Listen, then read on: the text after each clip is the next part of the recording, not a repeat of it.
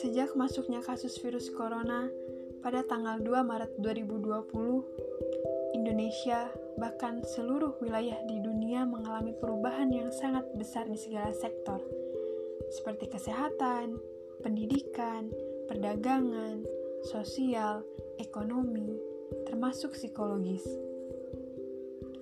Merebaknya virus COVID-19 ini telah memberikan dampak yang begitu besar terhadap kondisi kesehatan mental masyarakat Bagaimana tidak?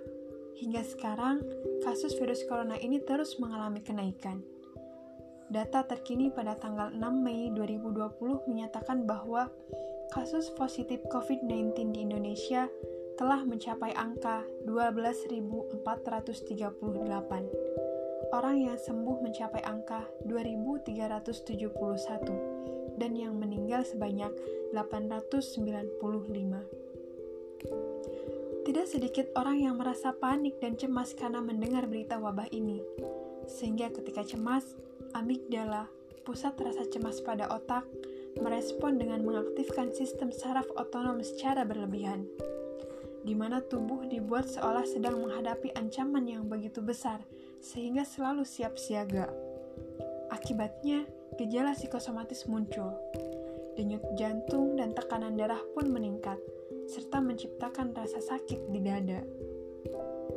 Meski ini bersifat semu, gejala gangguan psikosomatis ini memiliki tingkat sakit setara dengan gangguan fisiologis.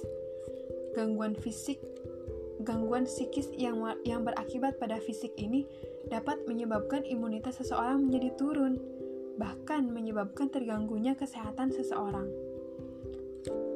Hal inilah yang juga harus menjadi kewaspadaan bagi setiap orang, terutama di tengah pandemi ini.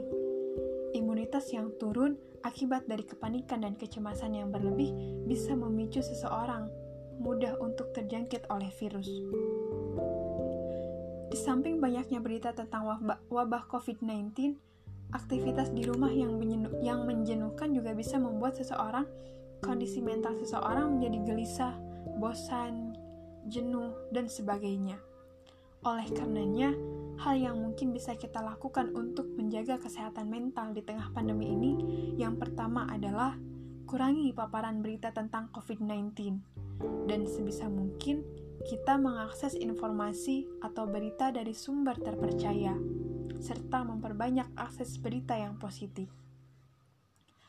Langkah kedua yang bisa kita lakukan adalah membuat jadwal rutin aktivitas yang harus dikerjakan di rumah, atau melakukan hobi atau hal-hal lain yang menyenangkan seperti memasak, menyanyi, melukis, menari, dan yang lainnya. Langkah ketiga yakni menjaga hubungan baik dengan keluarga, sanak saudara, karib kerabat, teman-teman, melalui media baik itu telepon, video, maupun media sosial dan selanjutnya yaitu olahraga secara teratur, menjaga pola tidur, dan mengkonsumsi makanan yang sehat dan bergizi. Dan yang terakhir, hal yang penting untuk menjaga kesehatan mental ini adalah jangan lupa bahagia, karena dengan bahagia dapat meningkatkan imun seseorang sehingga dapat terhindar dari virus. Bahagia pula merupakan wujud syukur kita kepada Allah atas apa yang telah Allah berikan.